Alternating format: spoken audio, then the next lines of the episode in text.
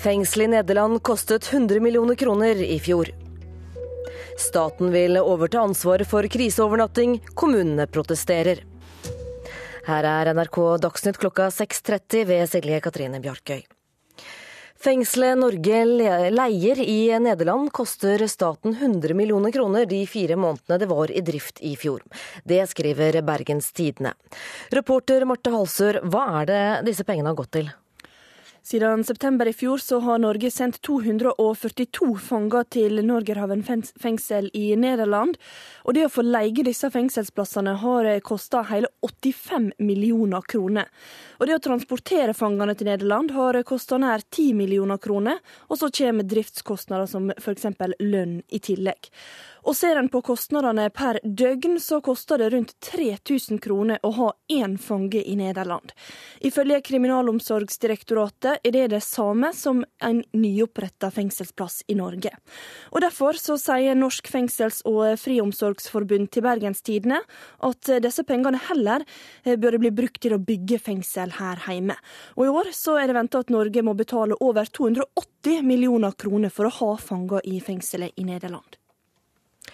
Kommunene reagerer på at eh, regjeringen vil ta fra dem styringen dersom det må skaffes overnatting til mennesker i en krisesituasjon raskt. Bakgrunnen for eh, forslaget er de mange asylsøkerne som kom til Norge i fjor høst. Regjeringen mener det gir raskere behandling og mindre byråkrati dersom de overtar. Varaordfører i Stavanger, Bjørg Tysdal Mo, er uenig, og viser til at kommunen i fjor høst fikk et akuttmottak med 1000 plasser nærmest over natten. Da brukte vi dagens plan- og bygningslov. Og da fikk vi på plass et akuttmottak ganske kjapt. Hadde det vært mulig å gjøre det raskere? Det tror jeg ikke. Fordi helse, miljø og sikkerhet kan ikke eh, se bort ifra. Og da er en nødt for å bruke noe tid, men kort tid. Det skjedde i Stavanger, og det skjedde med dagens lov. Reporter Marianne Terjesen. En mann ble funnet død i garasjen under sin egen bil i Farsund i Vest-Agder i dag tidlig. Mannen fikk bilen over seg og kom i klem, ifølge politiet. Ulykken skjedde da en jekk sviktet, det sier operasjonsleder Per Christian Klausen. Det er mannen som har drevet reparasjonsarbeid på bilen sin, og så har eh, jekken svikta, så har fått bilen over seg. Så har han blitt klemt mellom bakken og bilen, og har omkommet. Det er en mann i 50-årene. Kunnskapsministeren vil samle landets beste realfagselever på talentsentre over hele landet. Talentsentrene skal gjøre norske elever bedre i matematikk, naturfag og teknologi. NRK Dagsnytt.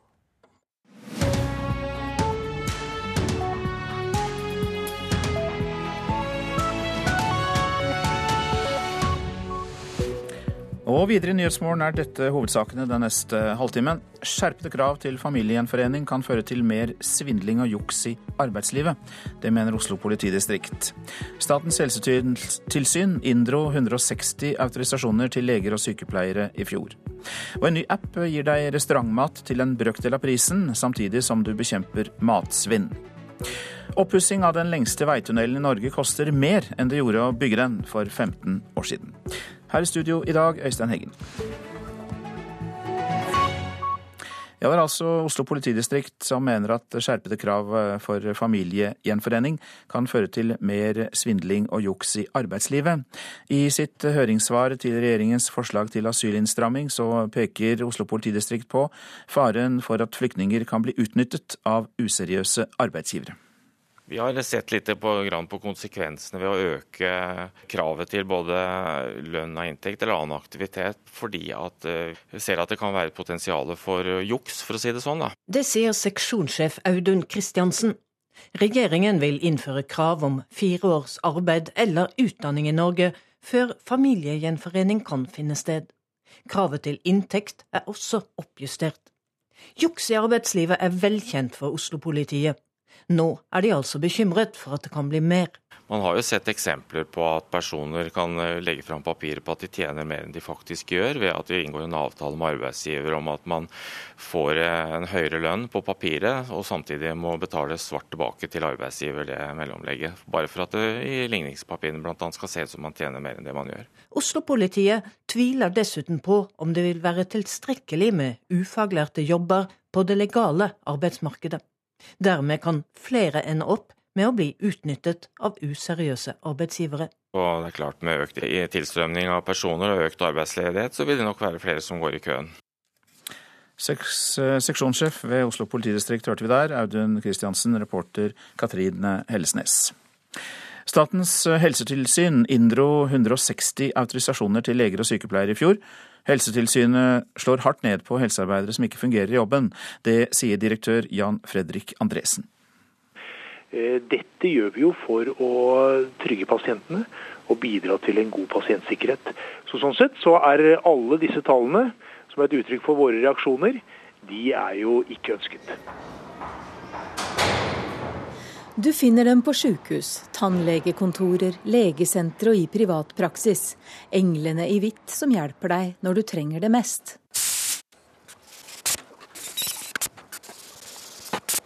Man kan jo på et tidspunkt bli ansatt og være eh, velfungerende, og så kan det skje noe i livet hos helsepersonell som hos andre eh, borgere som gjør at deres funksjonsnivå faller, og sånn sett eh, kommer da i berøring med Statens helsetilsyn og Fylkesmannen. Jan Fredrik Andresen er direktør i Statens helsetilsyn. De har nulltoleranse når legen har dårlige rutiner eller sykepleieren kommer rusa på jobb. Det er alltid alvorlig når vi eh, gir reaksjoner Eh, mot helsepersonell. Eh, for det tyder på at helsepersonellet og virksomhetene driver på en måte som gjør at pasienten ikke får gode og trygge tjenester. Nei, Vi i Sykehuset Innlandet vil selvsagt at det tallet skal være så lavt som overhodet mulig. Men eh, når vi har 8000-9000 ansatte, så er det ikke til å underslå at innimellom så er det også noen som mister autorisasjonen sin hos oss. En av de som i fjor mista autorisasjonen sin, var ansatt i Sykehuset Innlandet, Hedmark og Opplands største arbeidsgiver for helsepersonell. Personalsjef Rune Hummelvold sier de gjør det de kan for at pasientene ikke skal svi for folk som ikke fungerer på jobb. Ja, helsepersonellet har vel en, en, egentlig en plikt til å si fra dersom kolleger eller annet helsepersonell eh, er rusa, eller om de har, eh, gjør, eh, ikke utøver funksjonen sin på en god måte. Eh, og vi får jo tilbakemeldinger fra våre ansatte på kolleger som på en måte ikke ivaretar oppgaven sin på en god måte. Er det, er det mulig å unngå helt? Altså, vi har jo egne eh, rutiner og prosedyrer når vi ansetter eh, helsepersonell. Hvor vi går gjennom eh, bl.a. referanser og om de har gyldig eh, autorisasjon eller ikke. Da får vi fanget opp noe. Jevnt over så er det jo en veldig god kvalitet både på norsk helsetjeneste og på norsk helsepersonell. Eh, og vi har jo en erfaring for at eh, helsepersonell retter seg etter våre våre anvisninger, og at eh, de som da har mistet sin autorisasjon eller fått begrensninger, de er jo tatt ut av virksomhet, slik at ikke de lenger utgjør en fare for pasientsikkerheten. Reporter Jorunn Wang.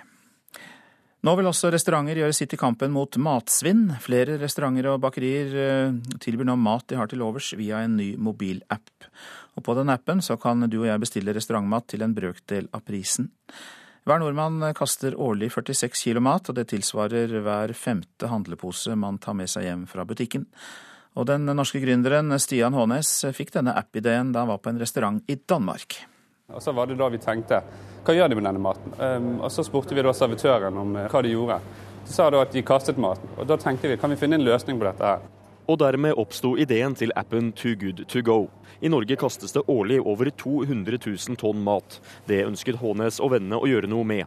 Gjennom appen oppgir restaurantene hva de serverer og hvor mye du må betale. Gjerne et sted mellom 20 og 50 kroner. Så går man ned i det stedet man har valgt, og så viser man en kvittering til eh, servitøren, bakeren eller ekspedienten som står bak eh, kassen. Og Da får du da utlevert en boks eller en pose eller hva som er tilgjengelig på stedet. Gründerne tjener naturligvis også penger, én tier for hvert salg som blir gjort via appen. I dag er de fleste utsalgsstedene i Oslo, men Hånes sier de skal få med bedrifter over hele landet.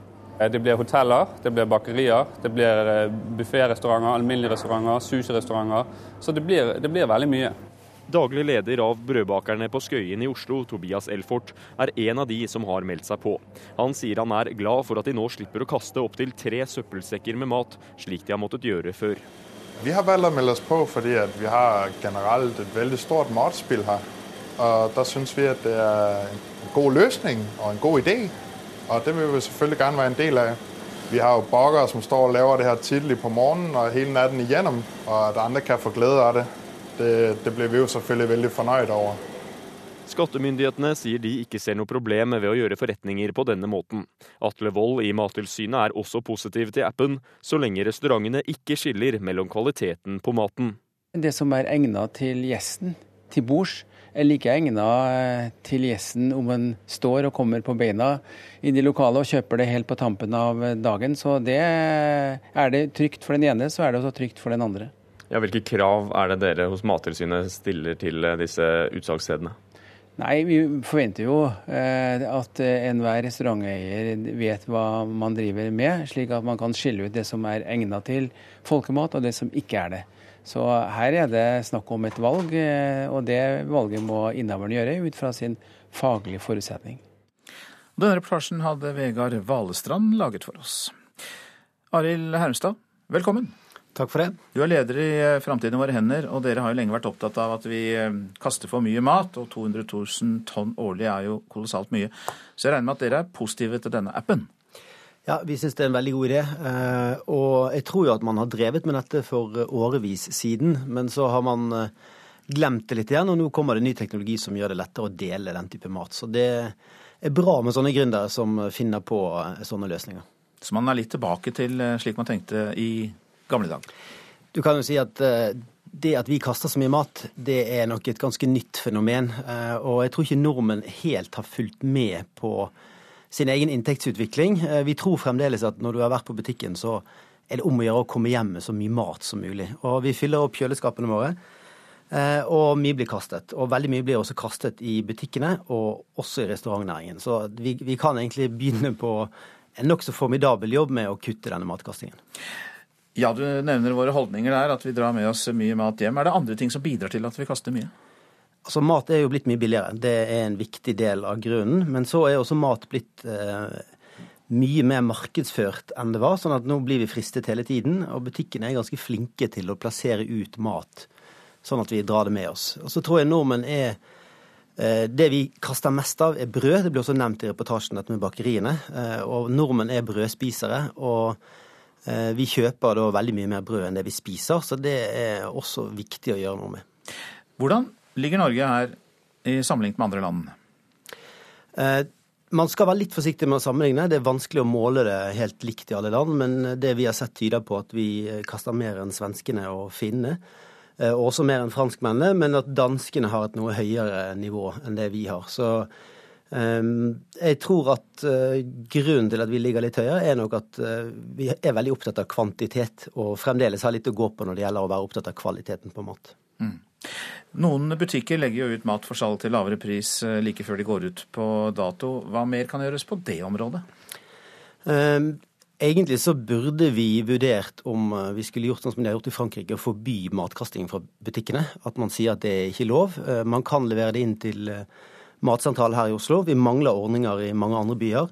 Så nedprising er en god ting. Uh, jeg er generelt for det, men det er mye sånn tre for to-tilbud som også bidrar til at eh, folk kjøper mer enn de trenger. Så jeg tror at eh, dagligvarekjedene må se på hele driften sin og se på om de har måter å gjøre dette på som, frem, som, faktisk gjør at det blir mer matkasting. Det er bedre å selge én for én billig enn tre for to?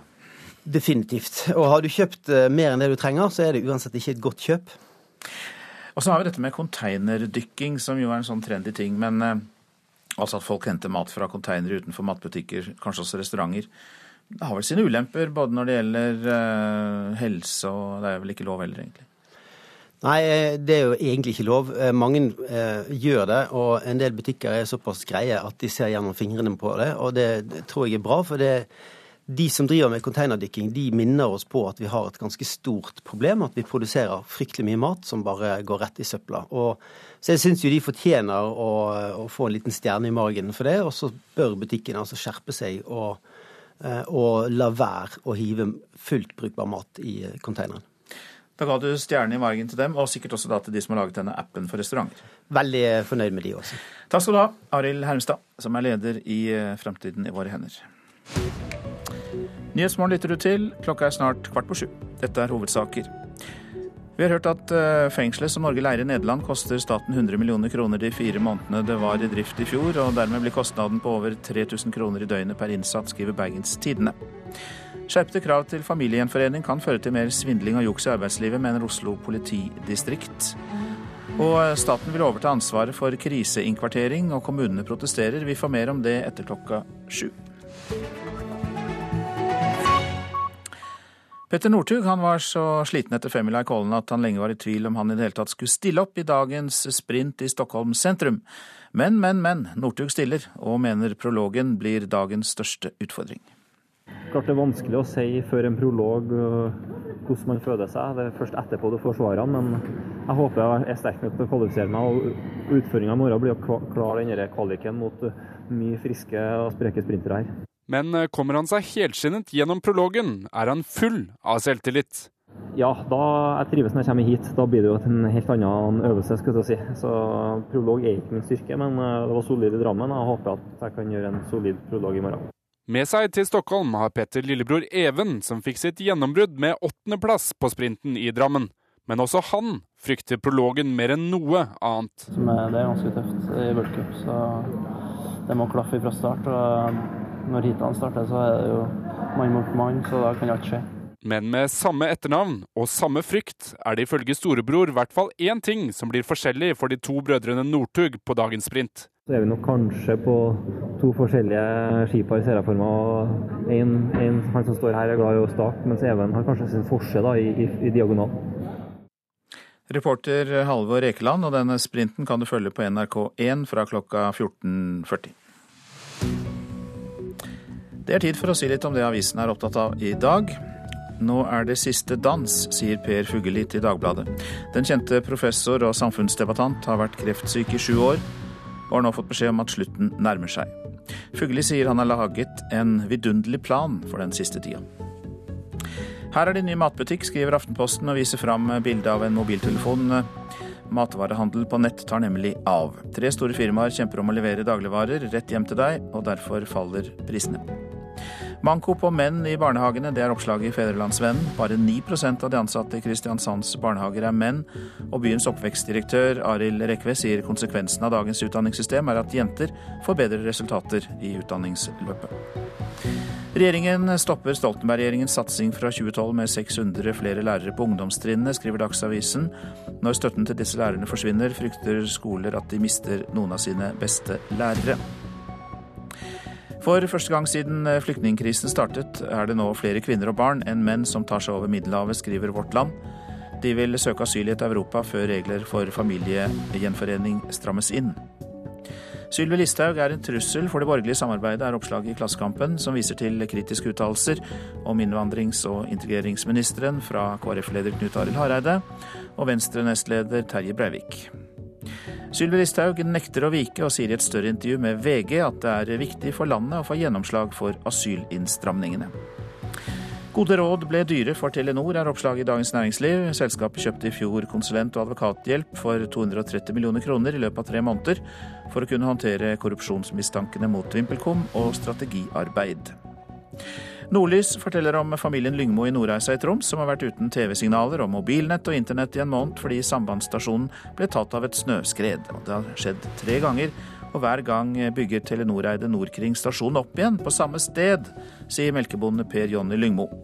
Telenor sier nå at de må vurdere en annen plassering. Nå om oppussingen av Norges tredje lengste veitunnel, ikke den lengste som jeg kom i skade for å si i starten av sendinga. Det koster mer å pusse opp Folgefonntunnelen enn det kostet å bygge den for 15 år siden. Tunnelen som går mellom Odda og Kvinnherad i Hordaland må oppgraderes for mer enn en halv milliard kroner, mener Vegvesenet. Avdelingsdirektør der, Olav Finne, sier tunnelen ikke møter de nye sikkerhetskravene. Folgefonntunnelen den er veldig lang, og dermed så blir det òg eh, høye kostnader. Til sommeren har det gått 15 år siden Folgefonntunnelen åpna. Men allerede før bompengebetalinga er avslutta, viser Vegvesenet sine tall at tunnelen bør oppgraderes for mer enn det koster å bygge tunnelen. Brannventilasjon, det er sterkere krav til det. Det er krav til at det skal være tettere med nødskåp i tunnelen. Og det er krav til ledelys, bl.a. I 2001 kosta tunnelen 412 millioner å bygge. Bare å nå EU sine tunnelregler vil koste rundt 200 millioner, men Vegvesenet sitt faglige råd er ei oppgradering til over 550 millioner kroner. Sjøl med dagens kroneverdi er det mer enn tunnelen koster å bygge. Hvis en skal òg ta med seg alt vi mener på et faglig grunnlag trengs da for å fornye det som holder på å bli gammelt i tunnelen, så vil de komme opp i en sum på rundt halve milliarden. Forstår du at det virker voldsomt at en må bruke en halv milliard på en tunnel som eh, bare er 15 år gammel? Ja, det forstår jeg virker voldsomt. Og så er det sånn at eh, kravet til sikkerhet i tunneler har økt kraftig i den 15-årsperioden. Reporter var Sølve Rydland. 19 personer ble evakuert da det brant i et hus på Os i Hordaland i natt. Et par i 50-årene bodde i huset, men kom seg ut uskadd. Huset ligger midt i et boligfelt. Brannvesenet fryktet gassflasker som var lagret i huset skulle eksplodere. Politiet tror de evakuerte får flytte tilbake innen kort tid. Og dette var altså i Os i Hordaland. Statens vegvesen må bruke pengene sine på vei, ikke på kunst og utsmykninger, mener Fremskrittspartiet. FrPs medlemmer i transportkomiteen på Stortinget reagerte på utsmykningene langs E6 og rv. 3 da de besøkte Hedmark denne uka. Der har nemlig Statens vegvesen bl.a. brukt penger på elgkunst for at bilistene ikke skal sovne på de monotone strekningene. Det er sikkert veldig fint å se på fine lysmaster eller på elggevir eller hva det måtte være for noe. Det viktigste for oss er å bruke pengene på en ordentlig trafikksikker vei. Fremskrittspartiets Åse Michaelsen vil at Statens vegvesen skal bruke penger på vei, ikke kunst. Men i Østerdalen har 62 fargesprakende elggevir gjort veien mer trafikksikker, hevder Vegvesenet. Trafikantene mener at dette virker på oppmerksomheten. Det var til Ånestadkrysset i Løten Fremskrittspartiets transportfraksjon på Stortinget hadde tatt turen tidligere denne uka. Ikke et hvilket som helst veikryss. Bortafor Ånestadkrysset, der langskogene tar til. Slik dikteren Rolf Jacobsen formulerer det. Vegvesenet så at det monotone skoglandskapet førte til ulykker. Rv. 3 var en strekning med veldig mange alvorlige ulykker. Og ulykken var i hovedsak knytta til utforkjøring og kollisjoner. Derfor fikk kunstnerne Inge Iversen og Linda Bakke jobben med å utsmykke trærne med elgkunst. Store elggevir i glassfiber til en snau million, strategisk plassert opp Østerdalen. Bilista flira litt. Nei, Jeg lurte på om det var noen fulle østerdalere som har drevet og hengt opp nå. Åse Michaelsen er alvorlig. Hun vil flytte penger Statens vegvesen bruker på kunst og utsmykning over til ren veiutbygging. Og får støtte av samferdselsministeren. Ja, Frp er opptatt av at en skal bygge bedre veier. Og så bruke mindre penger på utsmykning langs veiene. Sier Ketil Solvik-Olsen. Det blir ikke mer trafikksikkert, mener Michaelsen. Det avleder folks oppmerksomhet på å kjøre på veien, og en skal kikke i alle andre himmelretninger. Men i Østerdalen har ulykkestallene gått ned. 600 bilister har svart på hva dem synes om kunsten. Kult, veldig farverikt og veldig spennende. 72% sier at de er mer oppmerksomme, og at de tror det øker trafikksikkerheten. De får en vekker når de passerer gevirene. Og da er dette et viktig tiltak å prøve ut, i tillegg til alle mulige tradisjonelle tiltak. Solvik-Olsen er uenig. Han sier det vil bli mindre penger til kunst framover. Ja, altså Vi mener vi skal få gode, trygge veier, og så skal vi åpne for at lokale eh, kommuner og andre skal få lov til å utsmykke langs veien. Men pass deg for elg. Ja. Det var dikteren Rolf Jacobsen vi hørte der, definitivt. Fra Tanker ved Ånestadkrysset. Reporter Torunn Myhre. Et eh, svensk barn fikk mareritt etter å ha sett Albert Aaberg og Udyret i barnehagen. Filmen, altså. Foreldrene anmeldte førskolen, og nå droppes all filmvisning på den aktuelle skolen i Malmö. Ifølge avisen Sydsvenskan skal barna ha hatt en, et uh, uhyggelig mareritt, og ikke bare ett, men eh, det fortsatte en uke etter at filmen var vist. På en förskola i Malmö så visade man filmen Alfons och odjuret. Men efter att ett barn då drömt mardrömmar på grund av filmen har man nu på förskolan bestämt att stoppa all filmvisning. Det är lite, ja, det nästan som det censur på något sätt. Ja. Så tycker jag såklart att det är tråkigt att höra att förskolan inte ska jobba med film. Albert Aaberg er kanskje mest kjent for å ikke ville legge seg. Men nå skaper Alfons Aaberg, som han heter i Sverige, rabalder. Klippet vi nå skal spille av fra den norske versjonen av historien, ble for mye for foreldrene til et barnehagebarn i Malmö. Og nå er udyret tilbake. Albert er redd. Han tenker på blodet. Tenk om den lille gutten ble skadet på ordentlig. Klippet er hentet fra filmen 'Albert Aaberg og udyret'. I filmen er Albert bekymret for at det finnes et monster under senga hans. Barnehagen på sin side er mest bekymra over at barna ikke skal bli redde. Derfor vil det ikke bli vist noen filmer i barnehagen på en god stund. Etter denne situasjonen som har oppstått med dette barnet, så har vi bestemt oss for vår forskole til stoppe filmvisning. Saken har fått store krefter i filmbransjen i Sverige til å reagere. Malin Jansson hos det svenske Filminstituttet syns det er håpløst at Albert Aaberg får ha medfart. Og at det hører til livet å bli redd under sikre former. Om det er noe som er sikkert, så er det just film, og ikke minst Alfons Aaberg. Den populære norske barnebokforfatteren Erlend Lo vokste opp med bøkene om Albert Aaberg. Unger reagerer jo på alt mulig rart. og De filmene her har jeg sjøl sett, og syns jo at de er veldig godt innafor det som må kunne sies og kunne, altså må takles i en barnehagesituasjon. Da. Men unger er selvfølgelig forskjellige. Lo tenker på foreldrene, som etter hans mening har laga storm i et vannglass. Det er å se for seg de foreldrene som eh, har valgt å skrive et brev på bakgrunn av at uh, sønnen eller dattera, det vet man jo ikke, har sett altså en 35 år gammel film. Og det andre som jeg drar på smilebåndet av, er jo at da ledelsen velger å trekke all film.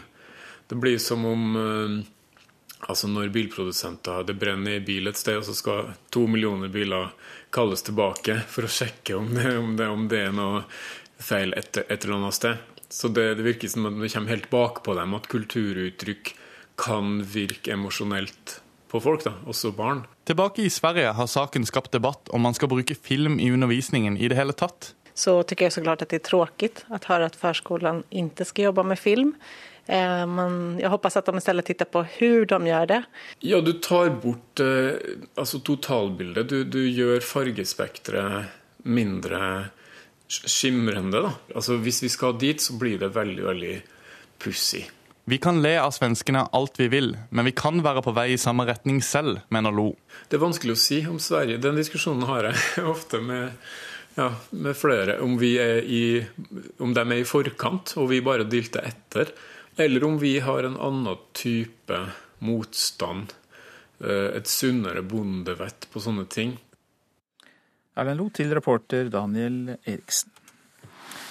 Så var det værvarselet. Fjellet i Sør-Norge. Liten røst kuling utsatte steder. Lengst nord enkelte snøbyger, men ellers til dels pent vær. Østafjells stedvis skyet først på dagen, men ellers til dels pent vær også østafjells. Rogaland og Hordaland stort sett pent vær, kort og godt. Sogn og Fjordane nordøst liten kuling utsatte steder. Stiv kuling ved Stad. Minkende vind til kvelden. Og stort sett pent vær. Og vi går til Møre og Romsdal og Trøndelag, som får nordøst liten til stiv kuling på kysten og skiftende skydekke. Det kan også komme enkelte snøbyger eller sluddbyger på kysten. Nordland nordlig til dels stiv kuling på kysten der. I ettermiddag minking til liten kuling i nord, seinere også i sør. Det blir skiftende skydekke i Nordland og enkelte snøbyger. Så tar vi Troms. Utover formiddagen øking til nordlig stiv kuling på kysten, først i sørlige områder, seint i ettermiddag minkende vind. For det meste skyet vær, enkelte snøbyger, forbigående økende bygeaktivitet midt på dagen i Troms. Finnmark liten og røstlig kuling utsatte steder. Snø kommer av og til, men fra i ettermiddag blir det lite nedbør, i hvert fall øst i Finnmark. Og Nordensjøland på Spitsbergen enkelte snøbyger, men mest i vestlige områder. Temperaturer målt klokka fire i natt. Svalbard lufthavn minus ni, Kirkenes minus én, Vardø pluss to. Alta og Tromsø begge minus tre. Bodø, Brønnøysund og Trondheim null grader alle steder. Molde pluss én, Bergen minus én. Stavanger pluss tre. Kristiansand og Gardermoen null. Lillehammer minus to, Røros minus fire og Oslo-Blindern hadde én plussgrad.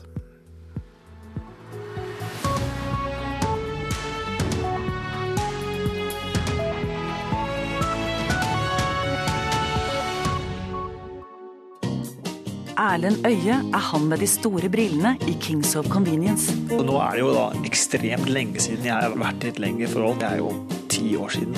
Han synes ikke dette med kjærligheten er helt enkelt. Jeg har veldig lyst til å gå inn i et forhold hvor jeg er den som må skuffe den andre. Hva nå, Erlend Øye? Radiodokumentar lørdag klokken ti på NRK P2. Politiet frykter mer juks i arbeidslivet. Ny mobilapp skal hindre matsvinn og gi deg billig mat. Her er NRK Dagsnytt klokka sju ved Silje Katrine Bjarkøy. Skjerpede krav til familiegjenforening kan føre til mer svindling og juks i arbeidslivet, det mener Oslo-politiet. I høringssvaret til regjeringens forslag til asylinnstramming peker de også på faren for at flyktninger kan bli utnyttet av useriøse arbeidsgivere. Kravet til inntekt øker potensialet for juks, det sier seksjonssjef Audun Kristiansen. Det er jo en god del eh, kriminalitet knytta til arbeidsmarkedet som sikkert alle er kjent med i dag. Bl.a. falske dokumenter og falske lønnsslipper. At man får eh, satt høyere inntekt enn det man har for at man skal nå dette kravet til inntekt. En annen ting er at man f.eks. hvis man skal ha utdannelse, får andre til å ta eksamen for seg, slik at det skal se ut som man har penere papirer enn det man har. Og at man eh, arbeider på andre steder enn det man sier man gjør, bl.a. Nok en gang har en skole mottatt bombetrussel gjennom mobilappen Jodel. Natt til i dag var det en Vennesla videregående skole i Vest-Agder som var målet, det skriver Fedrelandsvennen. Politiet ble varslet om trusselen like før klokka ett natt til i dag. Etter klokka fire ble elevene varslet på SMS om at skolen vil holde stengt fram til formiddagen. Det har vært en rekke bombetrusler mot skoler i Norge den siste tiden. Mange av dem er fremsatt via Jodel. Årlig blir det kastet over 200 000 tonn mat her i landet. Nå skal restauranter og bakerier tilby mat de har til overs via en ny mobilapp. En svært god idé, sier leder i Fremtiden i våre hender, Arild Hermstad. Vi syns det er en veldig god idé. Eh, og jeg tror jo at man har drevet med dette for årevis siden. Men så har man eh, glemt det litt igjen, og nå kommer det ny teknologi som gjør det lettere å dele den type mat. Så det er bra med sånne gründere som finner på sånne løsninger. Og jeg tror ikke nordmenn helt har fulgt med på sin egen inntektsutvikling. Vi tror fremdeles at når du har vært på butikken, så er det om å gjøre å komme hjem med så mye mat som mulig. Og vi fyller opp kjøleskapene våre. Eh, og mye blir kastet. Og veldig mye blir også kastet i butikkene, og også i restaurantnæringen. Så vi, vi kan egentlig begynne på en nokså formidabel jobb med å kutte denne matkastingen. Innvandrings- og integreringsminister Sylvi Listhaug strekker tilliten sentrumspartiene har gitt henne, med retorikken hun bruker i asylspørsmålet. Det sier nestleder i Venstre Terje Breivik til Klassekampen. Han mener Listhaug truer det borgerlige samarbeidet. KrF-leder Knut Arild Hareide støtter Venstre-nestlederens konklusjoner. Han mener også at Listhaug setter statsministeren i en vanskelig situasjon. Det var NRK Dagsnytt. Nyhetsmorgen fortsetter med disse sakene. Staten gir to ulike svar på om lærere uten videreutdanning kan jobbe videre eller ikke. Utdanningsforbundet sier hva de mener i Nyhetsmorgen. Staten vil overta ansvaret for kriseinnkvarteringer. Kommunene protesterer. Pave møter patriark. Aldri før har overhodene for den katolske og russisk-ortodokse kirke møtt hverandre. Men nå skal altså Frans og Kiril snakke sammen, og det skjer på Cuba. Kan lærere som ikke har tatt videreutdanning likevel jobbe som før? Det spørsmålet har mange i Skole-Norge stilt seg den siste tida. Nå viser det seg at staten har to helt ulike svar på det. Det heter sektordiagram. sant? Mattelærer Kristin Sandberg ved Haukeland skole i Bergen, som NRK fortalte om forrige uke, har 30 år fartstid fra klasserommet. Ja, og det er... Kollega Espen Vindheim er ferskere i gamet. I motsetning til Kristin har han den formelle kompetansen på plass men hun har erfaring. For det hun jeg går til hvis jeg lurer på noe i matematikk. Alle lærere i barneskolen må nå ha 30 studiepoeng i fagene matte og norsk om de skal undervise i dette. Målet er at alle lærere skal få videre utdanning de neste ti åra. Men hva skjer i mellomtida? Har Kristin rett til å være mattelærer dersom Espen kan overta? Ja, det har hun, mente kunnskapsminister Torbjørn Røe Isaksen fra Høyre i en debatt denne veka. En lærer som har undervist i 20 år i matematikk, og kanskje ikke realistisk sett kan få tilbud om videreutdanning før om tre år. Da har vi ingen grunn til å fjerne henne fra undervisningen nå. Men hans eget utdanningsdirektorat slår fast at reglene Isaksen har fått utforma, faktisk sier noe helt annet. Har rektor to lærere, begge tilsatte, der A oppfyller kravene og B ikke gjør det, må rektor gi faget til lærer A. Skriver direktoratet til NRK. Med andre ord, Kristin kan ikke være mattelærer dersom Espen kan overta jobben hennes. Der virker det som om eh, Røe Isaksen og Høyre rett og slett ikke skjønner hva de sjøl har vedtatt i forskriften. Sier Trond Giske i Arbeiderpartiet. Utdanningsdirektoratet har helt rett i sin tolkning av eh, forskriften slik den står.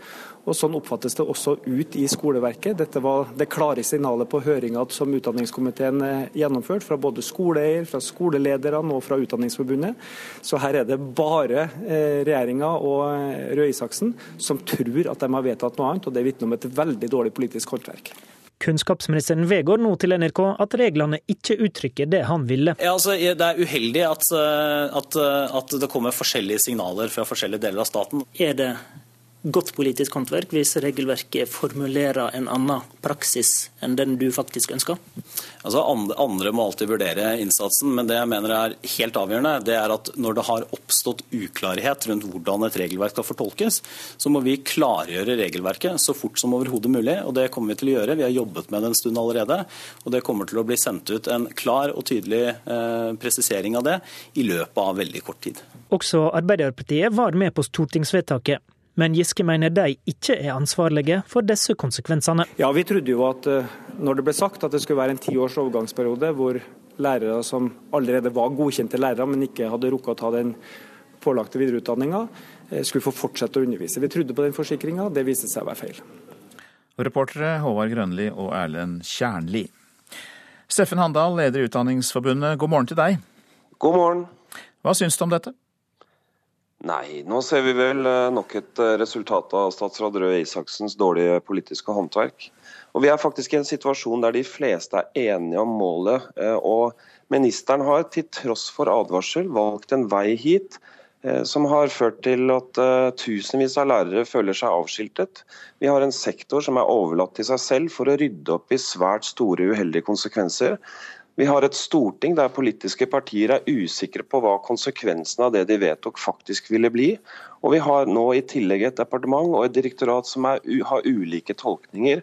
Og hvor det virker som til og med statsråden selv ikke er klar over hva han har eh, stelt i stand.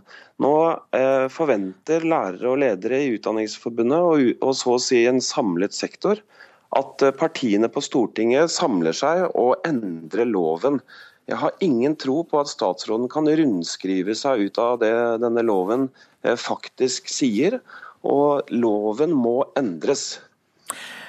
Men alle lærere og elever og samfunnet ellers er jo tjent med lærere som kan og vet mer, og altså har høyere kompetanse, så selve dette målet om å få til det, må dere jo være enig i? Vi er enige om målet. og jeg har sagt dette tror jeg nå 100 ganger. Utdanningsforbundet ønsker at vi skal satse på videreutdanning. Vi støtter kompetansekrav, men det er statsråden som har valgt å gi denne loven tilbakevirkende kraft. Og det har i seg selv ført til svært uheldig situasjon, eh, der lærere føler seg avskiltet. Og jeg tror faktisk det er uheldig signal til sektoren å si til lærere med 20-30 års erfaring at de ikke lenger kan undervise i fag som de har undervist i. Husk at en del av disse lærerne faktisk har stått i kø for å ta videreutdanning. De ønsker selv å ta videreutdanningen. De har søkt videreutdanning. De har fått nei pga. økonomiske problemer i kommunene. Og nå skal de altså få beskjed av statsråden om at nei, du får ikke lov til å undervise. Det går rett og slett ikke an. Men uh, satte dere ikke inn hardt nok trøkk fra Utdanningsforbundet på forhånd for å unngå slike ting? Det er helt feil. Vi advarte allerede første gangen det ble, dette ble introdusert. Og jeg tror statsråden er veldig klar over hva Utdanningsforbundet har ment i denne saken fra dag én. Eh, dette, det virker som han er mest opptatt av retorikk og politisk retorikk i denne saken, istedenfor å faktisk lytte til sektoren og finne løsninger på de faktiske problemene som nå har oppstått. Eh, det er mulig å løse dette. Jeg har stor tro på at Stortinget vil gjøre det. Og dette tror jeg faktisk kommer til å bli et prestisjetap for Røe Isaksen, hvis han ikke nå innser at den loven han har eh, fått på plass, at den verken fører med seg velvilje hos sektoren, og også til dels har provosert norske lærere kraftig. La oss til slutt se framover. Hvor lang tid vil det ta, tror du, før disse 40 000 eh, lærerne som eh, nå blir, eh, risikerer å bli avskiltet, som du sier, kan få den etterutdanningen de trenger? Ja, Noen fremstiller dette som at det er et enkelt regnestykke med at man har så og så mange lærere som trenger videreutdanning, og at man har så og så mange studieplasser. Men her er det ganske mange brikker som skal falle på plass. De riktige lærerne skal søke til riktig tid. Det skal være plass, kommunene skal takke ja. Men hvis dette ikke får nok tid, så vil dette bare føre til komplikasjoner. Det kommer i hvert fall til å ta ti år. Det kommer sannsynligvis til å nærme seg 15 år før alt dette er på plass. Takk skal du ha, Steffen Handal, leder i Utdanningsforbundet. I en krisesituasjon kan det være nødvendig å skaffe overnatting til mange mennesker raskt. I dag er det kommunene som behandler slike saker, og det skjer etter plan- og bygningsloven og de kan jo da gjøre unntak fra loven i særlige tilfeller. Men fordi det har kommet mange asylsøkere til Norge, så vil regjeringen at staten skal overta dette ansvaret. Men det protesterer kommunene på. Det er et unødvendig forslag. Eh, et forslag jeg forstår regjeringen sender ut. Men når vi ser hvordan vi har brukt plan- og bygningsloven her i Stavanger, så mener jeg at vi viser at dagens lov holder. Sier varaordfører i Stavanger Bjørg Tysdal Mo fra KrF. På slutten av fjoråret fikk kommunen et akuttmottak for opptil 1000 asylsøkere nærmest over natta. Da brukte vi dagens plan- og bygningslov. Og der er unntaksbestemmelser. Vi kan dispensere når det er snakk om midlertidighet i endring av et bygg. Eh, og det gjorde vi. Og da fikk vi på plass et akuttmottak ganske kjapt. Bl.a. ble det gitt unntak fra bestemmelsene om nabovarsel. I stedet for at naboene får inn en beskjed om hva som skal skje, så ble det lagt lapper i postkassene, og det ble invitert til orienteringsmøte. Men denne myndigheten skal i framtida ikke kommunene, men staten ha, mener regjeringa. Det er ikke fordi kommunene har gjort en dårlig jobb, sier leder i kommunalkomiteen på Stortinget, Helge Andreas Njåstad fra Frp. Nei, det har ikke vært behov for å ta i bruk en sånn hjemmel. men situasjonen i høst vist at staten ikke har en sånn hjemmel. og eh, Det er viktig å sikre seg eh, for framtida. Eh, dette er ikke standardløsningen, men i helt unntakstilfelle så kan man definere det som en, en krise, og på den måten få nok overnattingskapasitet til folk som er i nød. Han mener statlig styring vil føre til mindre byråkrati, selv om kommunene fremdeles skal være med i prosessen. For I dag er det på en måte veldig mange høringer og formelle prosesser som gjør at ting tar litt tid. Sånn at Hvis det blir definert en krise og man på en måte kan sette til side noen av de bestemmelsene som tar unødig tid, så vil man kunne snu seg raskere rundt og løse en krisesituasjon. At det vil gå raskere, tror ikke Bjørg Tysdal Moen noe på. Det tror jeg ikke, fordi helse, miljø og sikkerhet kan ikke se bort ifra. Og da er en nødt for å bruke noe tid, men kort tid.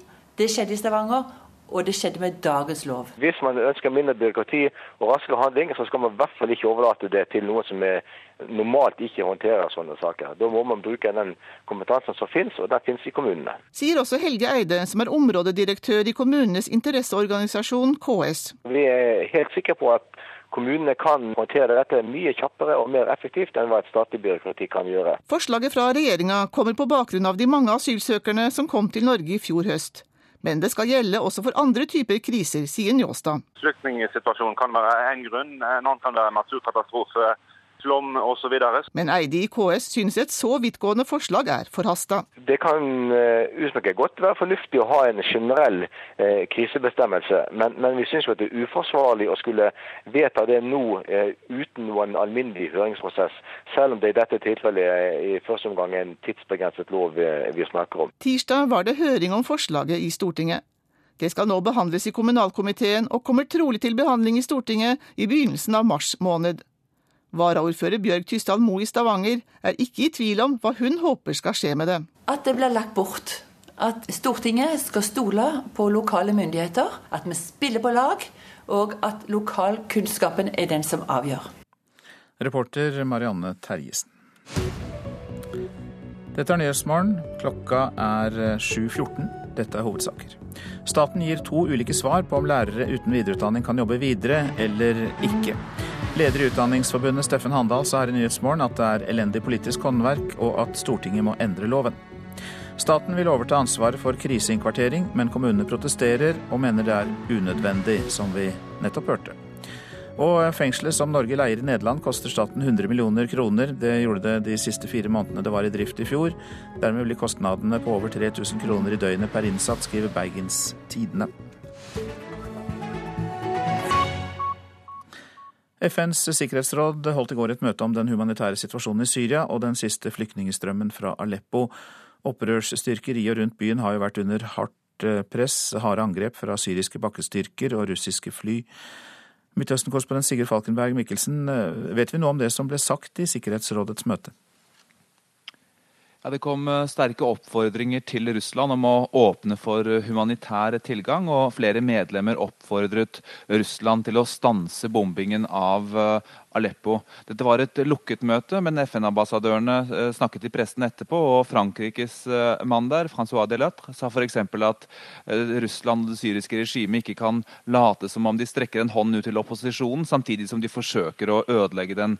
Mens New Zealands FN-ambassadør mente at Russlands bombing var den direkte årsaken til den krisen vi ser i og rundt Aleppo. Mens russerne da ikke overraskende avviste det hele. Vitalij Tsjorkin mente at til og med at noen av medlemmene i Sikkerhetsrådet hadde krysset en linje og beskyldte dem for å utnytte en humanitær situasjon i politisk øyemed. Så Det speiler jo at de diplomatiske frontene blir hardere, i tråd med at krigen i Syria forverres. Ja, det var Sikkerhetsrådet. Og i dag holdes en konferanse i München der Russland, USA, Saudi-Arabia og Iran skal møtes for å drøfte en mulig fortsettelse av fredsforhandlingene om Syria. Hva tror du om mulighetene til å få til det? Ja, dette er jo en uh, årlig sikkerhetskonferanse, så det blir en uformell uh, drøfting.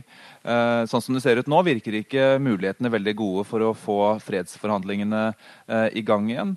Eh, og gitt situasjonen vi ser inne i Syria nå, så virker det jo også som Genéve-forhandlingene mer var et dekke fra regimets del og russernes side for å fortsette krigføringen og prøve å ta Aleppo tilbake, enn et ekte fredsønske. Så jeg tror at Hvis ikke noe endres i måten vestmaktene driver sin politikk på, uh, inkludert også deres allierte i regionen, så ser jeg ikke noen grunn til at russerne og regimet kommer til å gjøre det heller. Uh, og Da blir det veldig vanskelig å få til en fredsløsning. Nå, sånn som det er nå, så er det den militære logikken på bakken som dominerer. Eh, det har vært eh, lansert en dato om eh, fredsforhandlinger innen 1.3 og slike ting. Men det er lenge til, og det kan skje veldig mye innen da. Og jeg tror det blir vanskelig å få til noen meningsfulle fredsforhandlinger på kort sikt. USAs utenriksminister John Kerry har sagt at Russlands aktivitet i Aleppo og regionen rundt gjør det mye vanskeligere for partene å møtes til seriøse forhandlinger. Men er det slik at USA nærmest er overlatt til en tilskuerrolle? Ja, Det er jo slik det ser ut eh, fra Midtøsten. Eh, at eh, amerikanerne har overlatt Syria i russernes hender. Amerikanerne har blitt, blir sett på som meget tilbakeholdne, og samtidig ikke da har stått inne for den politiske retorikken de har brukt knyttet til Syria og det sittende regimet der. Eh, og sånn som det ser ut nå, så kan det eh, være et symbol på midt, altså USAs tilbaketrekning fra Midtøsten. Men gitt eh, flyktningkatastrofen som også rammer Europa, så kan det også bli stående igjen som et øyeblikk hvor USA og Europa gled mye lenger fra hverandre. Så langt takk til deg, Midtøsten-korrespondent Sigurd Falkenberg Mikkelsen. Nå til korrespondent i Moskva, Morten Jentoft. For i går kveld så kom det meldinger om at Russland da har kommet med et forslag om våpenhvile i Syria fra 1. mars. Falkenberg Mikkelsen nevnte jo det for et par minutter siden. Hva mer vet du om russernes forslag? Vi vet ikke så veldig mye om det. Det har vært snakket både om denne datoen som du nevner, altså 1. mars, som et mulig forslag fra russisk side. Det har også vært snakket om litt ut i mars. Men som, som Sigurd sa her, nå er det våpnene som eh, bestemmer. Det er den militære situasjonen på bakken som avgjør hva som kommer til å skje videre nå. Nå har altså eh, de syriske regjeringene regjeringsstyrkene har hatt betydelig framgang den siste tiden.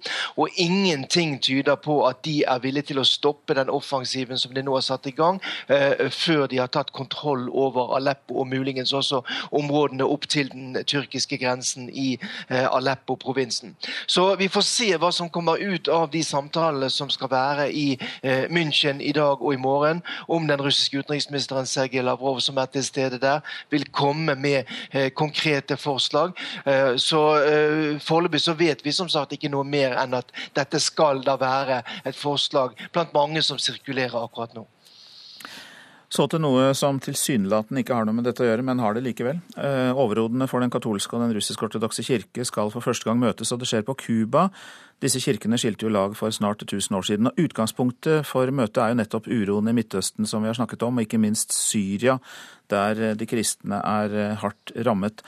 Og eh, dette møtet mellom pave Frans og patriark Kiril skjer jo faktisk etter langvarige forberedelser, Jentoft? Ja, det har vært forberedt i uh, mange tiår allerede. Det var jo snakk om allerede på 1990-tallet at uh, det skulle være et møte.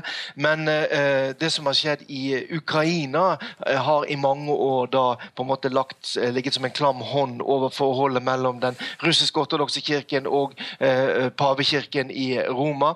I Ukraina, vest i Ukraina særlig da, så finnes noe som kalles den gresk-katolske kirken. En kirke som følger ortodokse tradisjoner, men som hører inn under pavekirken og som var forbudt under sovjettiden. Da den igjen ble tillatt, så tok den tilbake igjen mange av de kirkene som de mente tilhørte den. Og det skapte stor irritasjon i uh, Moskva hos uh, patriarken for den russisk-ortodokse kirken.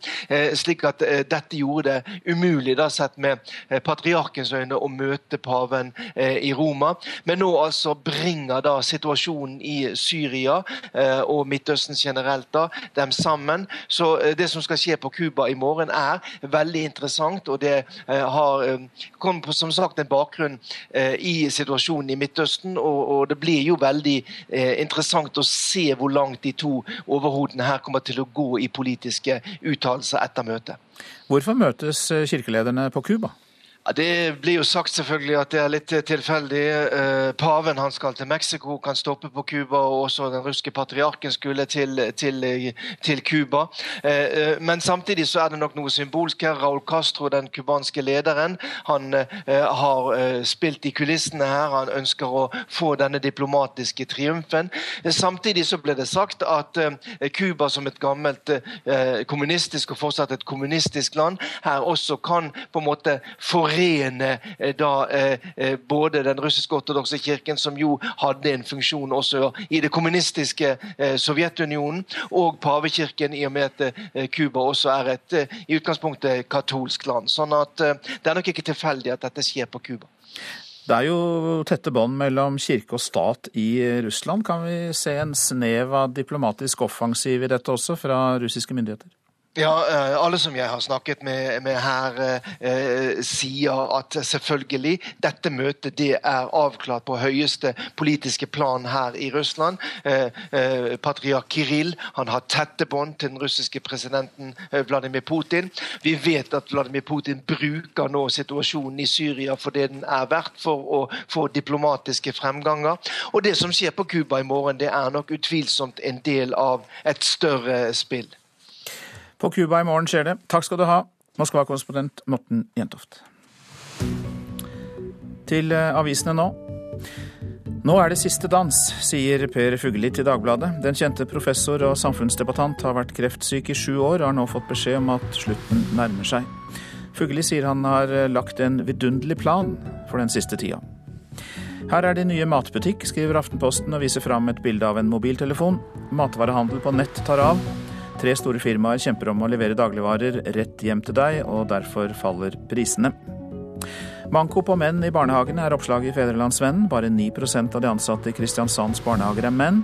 Og byens oppvekstdirektør Arild Rekve sier konsekvensen av dagens utdanningssystem er at jenter får bedre resultater i utdanningsløpet. Regjeringen stopper Stoltenberg-regjeringens satsing fra 2012 med 600 flere lærere på ungdomstrinnet, skriver Dagsavisen. Når støtten til disse lærerstillingene forsvinner, frykter skolene at de mister noen av sine beste lærere. For første gang siden flyktningkrisen startet, er det nå flere kvinner og barn enn menn som tar seg over Middelhavet, skriver Vårt Land. De vil søke asyl i et Europa før regler for familiegjenforening strammes til. Sylvi Listhaug er en trussel for det borgerlige samarbeidet, er oppslaget i Klassekampen, og viser til kritiske uttalelser om innvandrings- og integreringsministeren fra KrF-leder Knut Arild Hareide og Venstres nestleder Terje Breivik.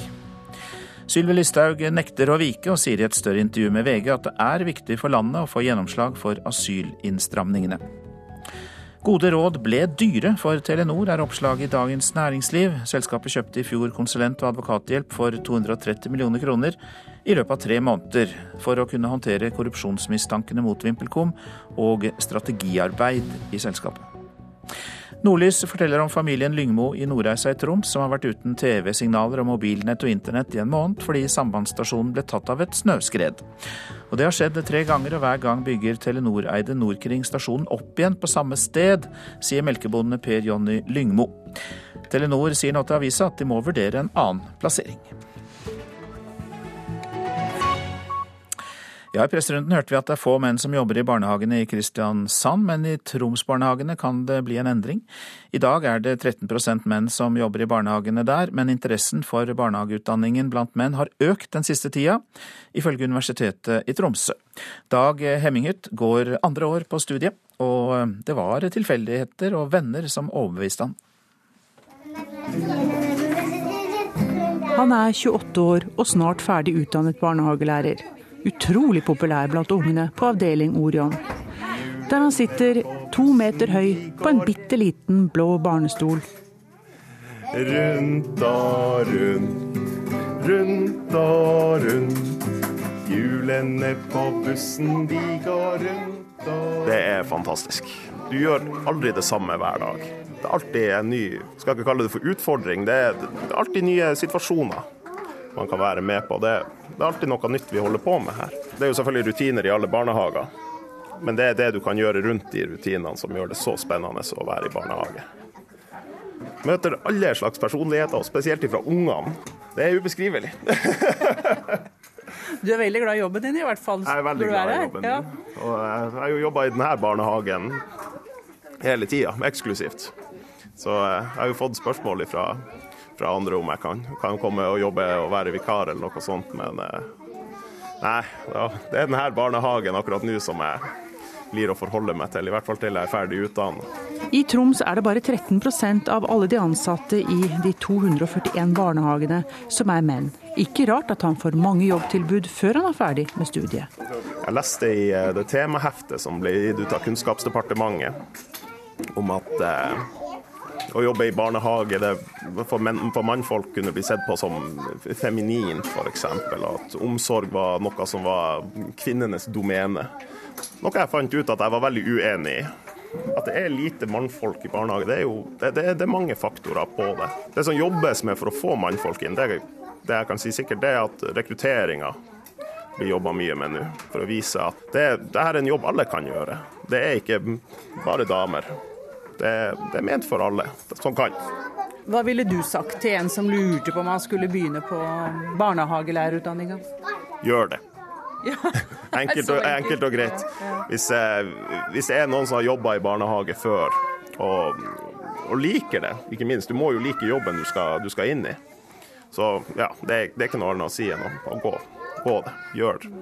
Universitetet i Tromsø, Norges arktiske universitet, har merket en økning i interessen for studiet fra menn. På kullet som startet høsten 2015, det var på heltidsstudiet, var 27 menn. Du, blir, du, får så mye mer av å gå den utdanninga, føler jeg. Jeg har fått det. Bare måten man gjør ting på. F.eks. å sitte og leke med et barn før, før jeg begynte. Da, da satt vi og lekte. Og det er veldig viktig.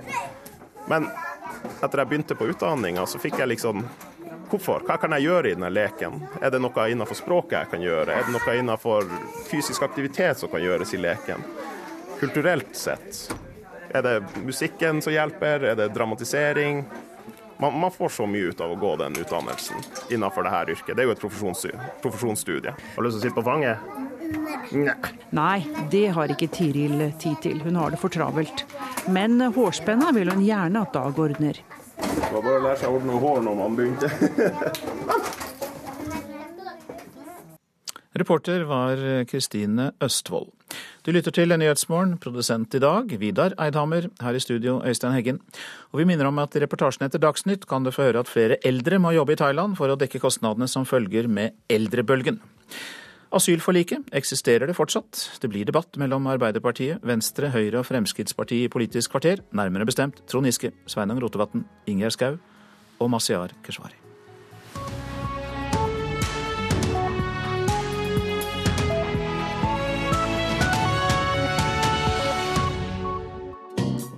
Erlend Øye er han med de store brillene i Kings of Convenience. Nå er det jo da ekstremt lenge siden jeg har vært i et lengre forhold. Det er jo ti år siden.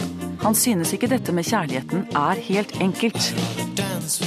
Jeg har veldig lyst til å gå inn i et forhold hvor jeg er den som må skuffe den andre.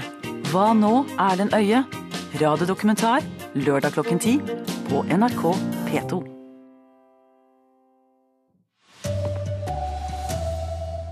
Krav til videreutdanning av lærere skaper forvirring.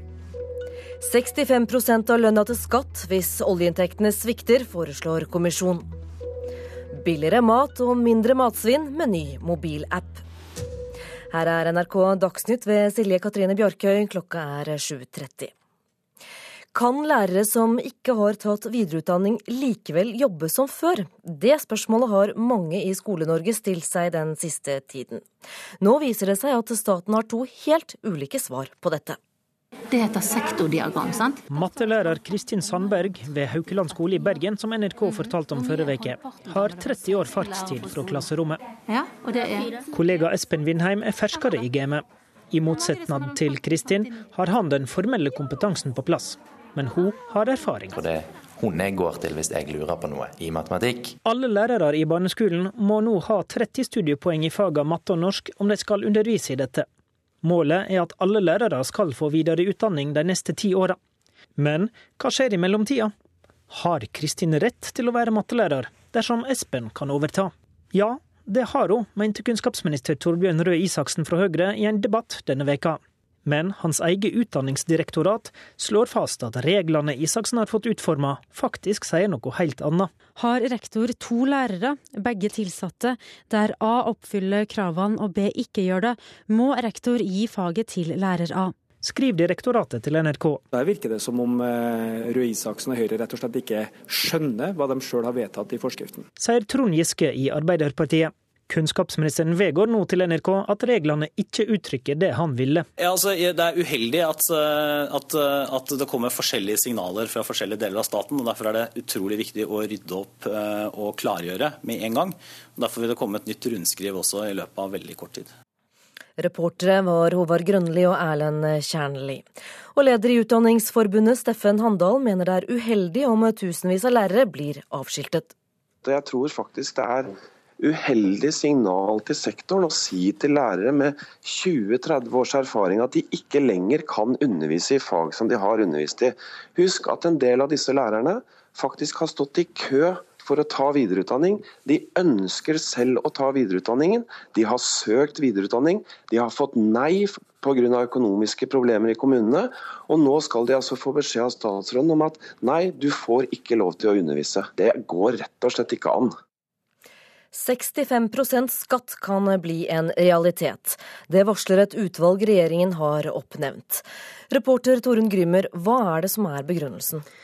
Om Norges vekst stopper opp når olja ikke lenger holder inntektene oppe og flere blir arbeidsledige, kan vi få lavere levestandard og store offentlige underskudd.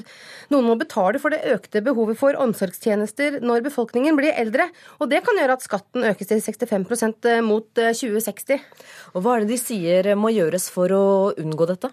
Kommisjonens leder, eh, professor i samfunnsøkonomi Jørn Rassø, skriver i Dagens Næringsliv i dag eh, flere effektiviseringsmåter. Eh, Bl.a. må vi digitalisere og, og, bruke flere roboter. Eh, og delingsøkonomi mener han er positivt. Det har vært mye omtalt i det siste, hvor privatpersoner selger og bytter tjenester med hverandre. Offentlig sektor må gjennom store forandringer for å bli mer effektive, og vi må satse på kunnskap. Og Kommisjonen altså legger, legger altså fram eh, sin rapport i dag, og det blir det mer om i våre sendinger utover dagen.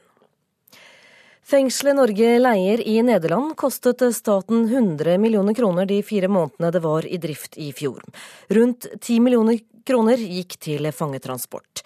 Prislappen for fengselet i år er beregnet til over 280 millioner kroner, ifølge Bergens Tidende.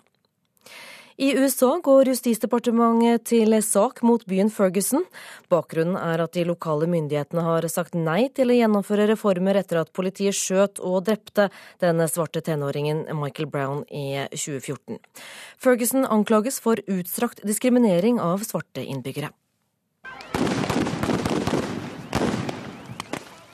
Politiet skyter tåregassgranater mot demonstranter i gatene i Ferguson. Etter drapet på den svarte tenåringen Michael Brown i 2014 ble det voldsomme uroligheter i denne forstaden til St. Louis i Missouri. Det som skjedde, satte i gang en nasjonal debatt om politiets behandling av svarte innbyggere. De lokale myndighetene i Ferguson ble pålagt å reformere politietaten og rettssystemet etter at føderale etterforskere avdekket omfattende diskriminering av svarte. Men nå har bystyret sagt nei til reformene, med den begrunnelsen at de er for kostbare.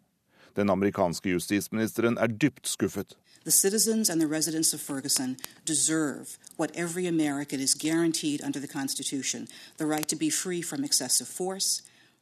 Innbyggerne i Ferguson skal ikke bli utsatt for overdreven bruk av makt. De skal ikke stanses eller arresteres uten grunn, og de skal ikke betale bøter som ødelegger deres økonomi, sier USAs justisminister Loretta Lynch.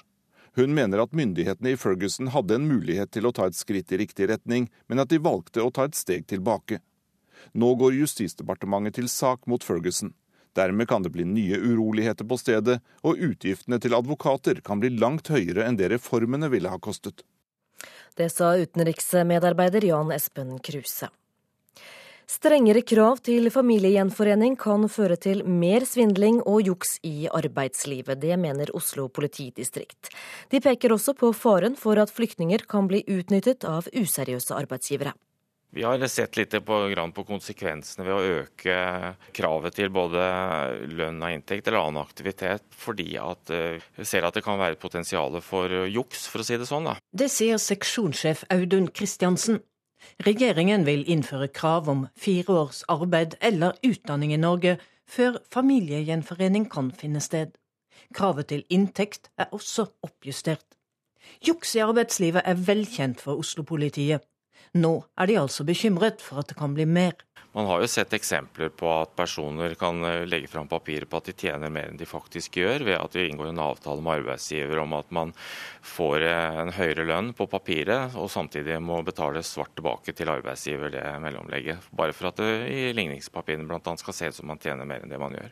Oslo-politiet tviler dessuten på om det vil være tilstrekkelig med ufaglærte jobber på det legale arbeidsmarkedet. Dermed kan flere ende opp med å bli utnyttet av useriøse arbeidsgivere. Og det er klart Med økt tilstrømning av personer og økt arbeidsledighet, så vil det nok være flere som går i køen. Det sa seksjonssjef ved Oslo politidistrikt Audun Kristiansen. Reporter Katrin Hellesnes. En mann er funnet død i garasjen under sin egen bil i Farsund i Vest-Agder i dag tidlig. Ifølge politiet skjedde ulykken da en jekk sviktet i forbindelse med reparasjonsarbeid. Mannen fikk bilen over seg og kom i klem, sier politiet. Flyselskapet Norwegian fikk et underskudd før skatt på rundt 700 millioner kroner i fjorårets tre siste måneder. Selskapet forklarer det bl.a. med svak norsk krone. Resultatet er likevel bedre enn selskapet presterte i samme periode året før. Restauranter kaster seg på i kampen mot matsvinn. Flere samarbeider nå med en eh, ny mobilapp som kan gi deg restaurantmat til en brøkdel av prisen. De tilbyr maten til en billig penge hvis du henter den like før stengetid. Den norske gründeren Stian Hånes fikk app-ideen da han var på en restaurant i Danmark. Og Så var det da vi tenkte hva gjør de med denne maten? Um, og Så spurte vi da servitøren om hva de gjorde. De sa da at de kastet maten. Og Da tenkte vi kan vi finne en løsning på dette her. Og dermed oppsto ideen til appen Too Good To Go. I Norge kastes det årlig over 200 000 tonn mat. Det ønsket Hånes og vennene å gjøre noe med. Gjennom appen oppgir restaurantene hva de serverer og hvor mye du må betale, gjerne et sted mellom 20 og 50 kroner. Gründerne tjener naturligvis også penger, en tier for hvert salg som blir gjort via appen. I dag er de fleste utsalgsstedene i Oslo, men Hånes sier de skal få med bedrifter over hele landet. Eh, det blir hoteller, det blir bakerier, det blir eh, bufférestauranter, alminnelige restauranter, sushirestauranter. Så det blir, det blir veldig mye. Daglig leder av Brødbakerne på Skøyen i Oslo, Tobias Elfort, er en av de som har meldt seg på. Han sier han er glad for at de nå slipper å kaste opptil tre søppelsekker med mat, slik de har måttet gjøre før. Vi har jo bakere som står og lager det her tidlig på morgenen og hele natten igjennom, og at andre kan få glede av det, det, det blir vi jo selvfølgelig veldig fornøyd over. Skattemyndighetene sier de ikke ser noe problem ved å gjøre forretninger på denne måten. Atle Wold i Mattilsynet er også positiv til appen, så lenge restaurantene ikke skiller mellom kvaliteten på maten. Det som er egnet til gjesten til bords, er like egnet til gjesten om en står og kommer på beina inn i lokalet og kjøper det helt på tampen av dagen. Så det er det trygt for den ene, så er det også trygt for den andre.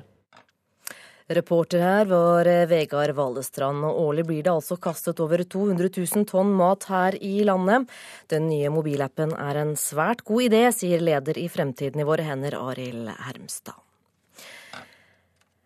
Ansvarlig for NRK Dagsnytt denne morgenen er Elin Pettersen.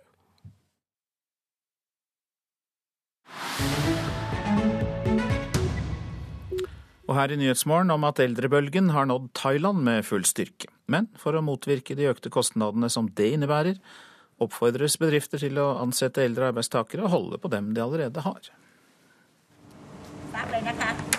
72 år gamle Daroni Kamwang beveger seg sakte gjennom korridorene på nudelfabrikken Choheng rett utenfor Bangkok. Men smilet er på plass. Hun stopper opp, setter fra seg vaskebøtta og drar moppen fram og tilbake over linoleumsgulvet. Jeg er ikke klar for pensjonistlivet ennå.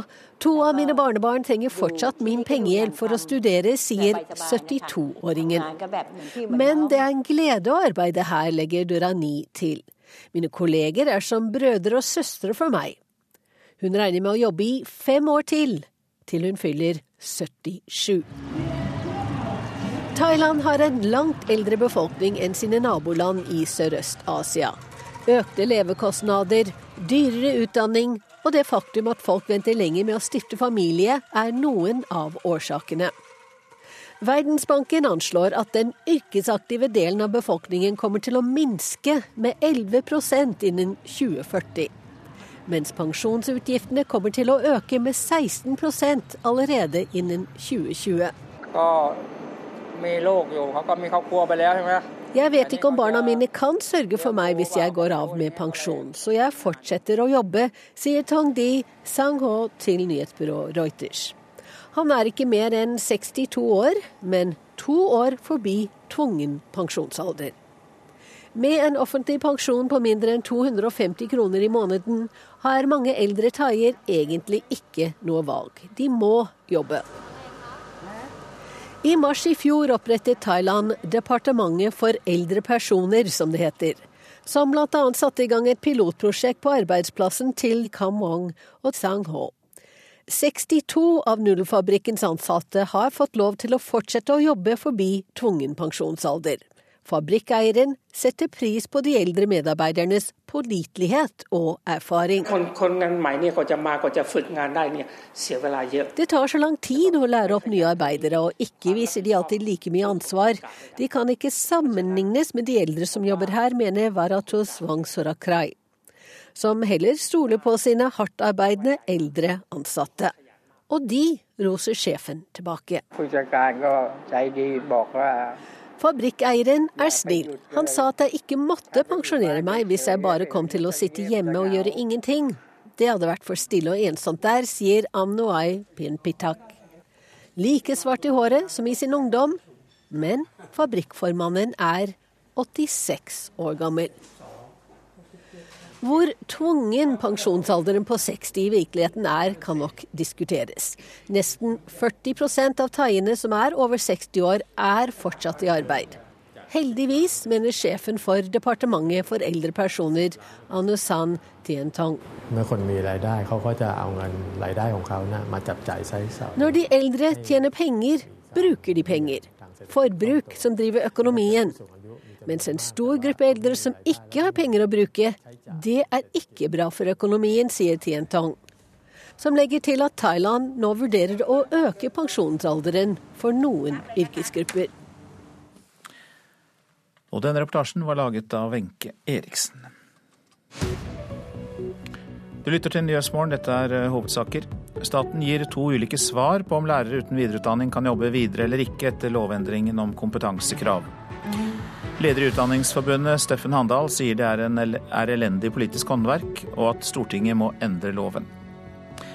65% skatt kan bli en realitet, varsler et utvalg regjeringen har oppnevnt. Det skal bl.a. betale for det økte behovet for omsorgstjenester.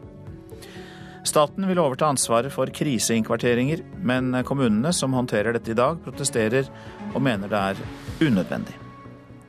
En ny app kan gi deg restaurantmat og bakervarer til en brøkdel av prisen, samtidig som du bekjemper matsvinn.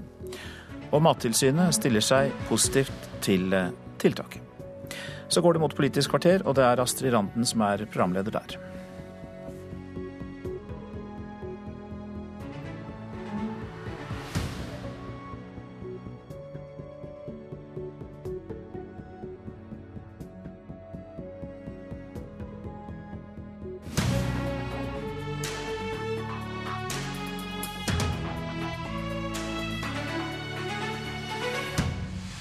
Er asylforliket dødt og begrava etter gårsdagens nei fra Venstre? Må de nå starte helt på nytt? God morgen, du hører eller ser på Politisk kvarter. Det var en gang da alle partiene bortsett fra SV og MDG sto side om side i Stortinget. De var samde om å stramme inn asylpolitikken, men så begynte de å krangle. Og flere av dem fikk trøbbel med grasrota. En statsminister sendte SMS-er til partitoppene og forsøkte å redde det i havn, men Venstre ville ikke høre og sa nei til alle forslagene regjeringa sendte ut på høring. Nestleder i Arbeiderpartiet, Trond Giske, du karakteriserer det som skjedde i går som et sammenbrudd av tillit. Forklar. Det er jo veldig viktig at et lite land som Norge har en brei enighet om hvordan vi kontrollerer grensene våre, hvordan vi håndterer eh, asyl- og innvandringspolitikken. At vi prøver å samle oss om disse spørsmålene, selv om vi vet at det er stor forskjell på de ulike partiene. Det klarte vi i stor grad eh, da vi satt i regjering i åtte år. Jens Stoltenberg samla brei støtte til de fleste tiltakene. Og vi ønska å bidra til det også under Solberg-regjeringa. Eh, I fjor så vi at eh, regjeringa til dels mista kontrollen over innvandringa. Stortinget bidro til et bredt forlik. Jeg tror både Arbeiderpartiet og Venstre og KrF eh, kanskje gikk lenger enn det partiprogrammene våre sa, for å få til en slik enighet. Og Den enigheten er forvalta veldig dårlig av regjeringa. Hver dag siden så har vi blitt beskyldt for å være uklare eller vingle hvis ikke vi støtter alt det regjeringa og Høyre og Frp kommer med. Eh, man legger veldig vekt på eh, dette med å sende ut folk, men veldig liten vekt på det å integrere de 23 000 som regjeringa faktisk har latt bli i Norge. Eh, og man lager veldig mye støy og konflikt på et område hvor man burde samle. Og Hvem er dette sin skyld at, at en har dette sammenbruddet av tillit? Er det regjeringa, statsministeren, innvandringsministeren eller partiene på Stortinget? Altså, det er jo regjeringa som har ansvaret for å forvalte det forliket. Mange peker på at Syvi Listhaugs stil eh, ødelegger for dette, og det kan man jo forstå med ord som gullstol og nyte istedenfor å yte. Det er ganske langt unna de bildene vi ser av fortvilte flyktninger som drukner i Middelhavet. Men jeg mener jo til sjuende og sist at det er statsminister Erna Solberg som har ansvaret for å holde slike brede forlik sammen. Og i går i Stortinget fikk jo eh, hun eh, ramsalt kritikk fra hele opposisjonen for å være helt fraværende i denne debatten og ikke ta det lederskapet som en statsminister bør gjøre på et så viktig område. Innvandringspolitisk talsperson i Høyre, Ingjerd Schou. Har regjeringa forvalta tilliten fra eh, asylforliket på en dårlig måte? Nei, Jeg syns man har behandlet det og håndtert det på en meget uh, god måte. Men prosessen går jo ikke akkurat på skinner? Ja, men dette kalles faktisk demokrati, og i motsetning til forrige regjering hvor disse tingene skjedde i lukkede rom, så er det slik at vi har en en regjering som nå har fått et oppdrag fra Stortinget 161 av 169 representanter, et eh, forlik på innstramming. Eh, og Det er altså regjeringens oppgave nå å håndtere på en sånn måte at man har sendt det på høring. Da blir det eh, mange synspunkter, og det blir de tilbakemeldingene som vi ønsker å få i en høring, og høringen er reell. Så har ikke Stortinget noen sak nå. Vi har, et, vi har vedtatt et forlik. Eh, Stortinget får først en sak tilbake når regjeringen kommer tilbake til Stortinget. Men de punktene i disse 40 punktene, som er dels et oppdrag fra Stortinget, men også noen innstrammingsforslag som regjeringen selv har på bordet Men Var det litt krever, tidlig da, krever, av Venstre å gå ut Nei, men dette eh, kalles jo demokrati. Nei, for all del ikke. Dette er jo en legitim eh, debatt som vi har i det norske samfunn. Og, og jeg tenker at det å, å ha uenighet om ulike punkter Dette skjedde på kort tid. Eh, Vi hadde dette forliket før jul, og så er det høring nå. Og jeg tenker at eh, når ulike partier nå kommer med sine primærstandpunkt, så må vi håndtere en sånn type uenighet. Men vi har altså ingen sak i Stortinget før regjeringen har håndtert høringene, og så kommer tilbake til oss. Og det virker som om Giske har glemt hvordan man drev med høringer når man satt som statsråd i regjering. Eh, Sylvi Listhaug får litt av skulda fra Trond Giske for at dette ikke går på, går på skinner. Hvordan svarer du til det? Eh, Jeg tenker at det er en eh, desperat avledningsmanøver fra Arbeiderpartiet sin side. Eh, Det har vært en det har vært en sammenbrudd av tillit, men det er ikke først og fremst mellom samarbeidspartnerne, men det har vært internt i Arbeiderpartiet. Det er jo Arbeiderpartiet sin stortingsgruppe som har tatt et oppgjør med ledelsen og bl.a. Trond Giske sine uttalelser, som førte til at man måtte finne på noe. Og da kom han med, med dette eh, retorikksporet deres. Altså, i en, eh, I en krisesituasjon der 60 millioner medmennesker er flyktninger i verden, eh, så er Trond Giske i dag mer opptatt av at noen har brukt ordet gullstol, og at mamma yte og ikke nyte. Det er en selvfølge, og det gjelder for alle, og ikke bare innvandrere. Men den tillitsbruddet som først og fremst har funnet sted i denne saken, det er jo internt hos Arbeiderpartiet. Nettopp fordi at eh, Arbeiderpartiet ikke vet hvilken bein de skal stå på i disse spørsmålene. Hele første halvår av i fjor så mente de at man sendte ut for mange, eh, og at man var for strenge. Når, eh, når migrasjonsbølgen kom, så var de plutselig opptatt av at man skulle ha direktefly fra Kirkenes til Kabul, selv om de hadde advart mot å sende for mange tilbake til Afghanistan. Så det blir en hul retorikk fra Giske og Arbeiderpartiet sin side, og det merker velgerne seg. Ok, er det, Kommer det noe med så sterk kritikk fordi at jeg prøver å eh, få det faktum bort fra at eh, det blir kalla for vinglepetter eh, hele tida, og få, fokus bort fra det? Nei, men bare, bare lytt til det Keshvari nå sier, og så tenk på at statsministeren for to dager siden skrev en melding til alle eh, forlikspartnerne om at regjeringa skal lytte, komme med en åpen hånd, skal være samarbeidsvillig. Altså Det er så sprikende signaler fra regjeringa. For man på den ene side er sier at man ønsker å holde dette forliket sammen, og på den andre side bruke enhver anledning til å skjelle ut forlikspartnerne. Og altså, Vi styrte i åtte år Keshari, og hadde en streng og rettferdig innvandringspolitikk, god kontroll på grensa- grensene. Dette svikta i fjor. Vi strakk ut en hånd. Vi laga et forlik fordi det er til beste for Norge. Men problemet her er at man er mer opptatt av hva som er det til beste for Frp.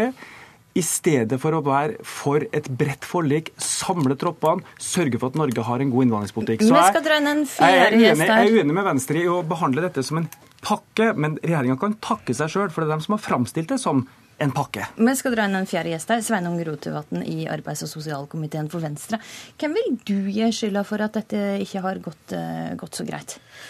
Du vet hva, Jeg er ikke så opptatt av denne kjeklinga mellom regjeringspartiet og Arbeiderpartiet, for jeg opplever at de er ganske enige i realiteten. Det Venstre sa i går, det er at vi har sett på politikken her.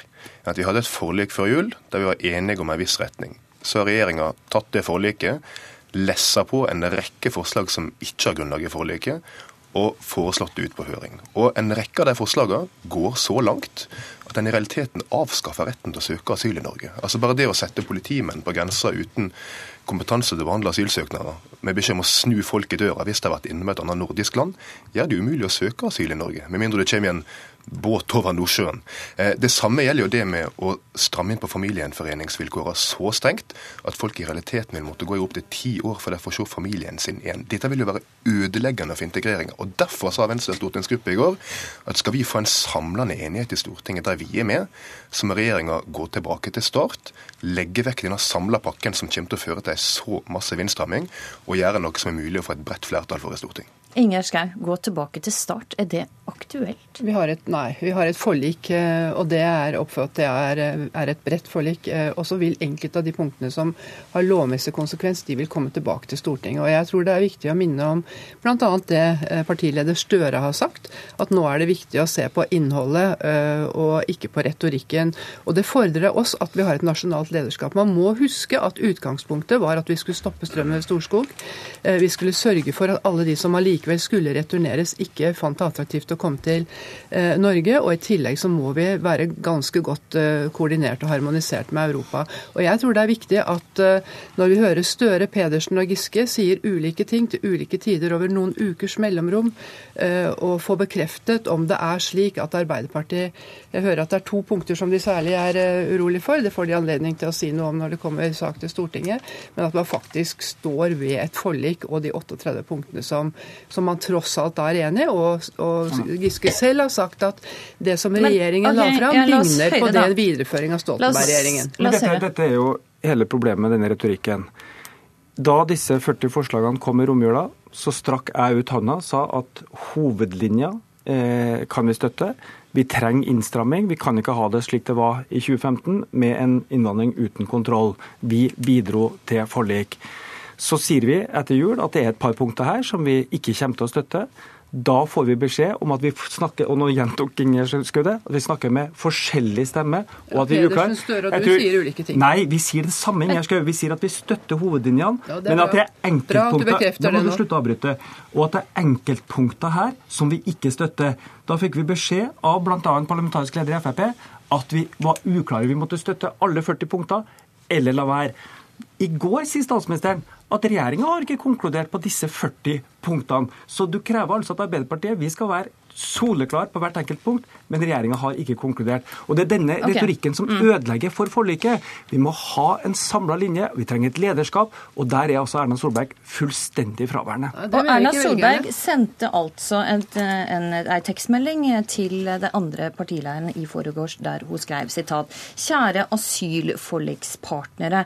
Jeg har i dag sendt et brev til alle de parlamentariske lederne hvor regjeringen er på tilbudssiden i spørsmål spørsmål om asyl. Og Masiar Keshvari, altså Erna Solberg er på tilbudssida og har innrømma at eh, enkelte ting i dette høringsforslaget må vurderes på nytt. Hva for av disse 40 forslagene kan det gå tilbake på?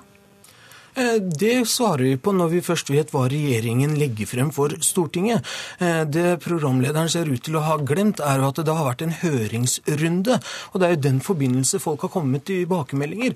Og den historiebeskrivelsen som Giske prøver seg på nå, det tror ikke hans egne samarbeidspartnere på engang. Det er jo derfor SV har brutt ut av den rød-grønne samarbeidet, skrevet en rekke kronikker om dette. Men, men, men, men litt tilbake til realiteten. For Reali du veit at disse 40 forslagene, der vil ikke ikke alle av disse vil ikke få flertall i Stortinget. Og det må jo tross alt få flertall ja, men, for deres egen politikk. Men, men først så må vi jo se hvilken forslag som blir lagt fram fra regjeringen. Det er ikke mange timene eh, siden eh, høringsfristen gikk ut, og regjeringen skal nå gå gjennom disse. Men er eh, du som Erna Solberg villig til å være på tilbudssida og vurdere forslaget på nytt? Jeg er alltid på tilbudssida, jeg. Så det skal ikke stå på meg, eh, programleder. Men poenget er at vi er nødt til å vite hva regjeringen legger fram av forslag for å kunne, eh, for å kunne ta det videre derifra. Okay, jeg kan ikke sitte her før jeg vet hva regjeringen legger fram og si at jeg vil fire eller jeg vil stramme opp noe. Og er det viktig for det å få til et bredt forlik der også Venstre er med?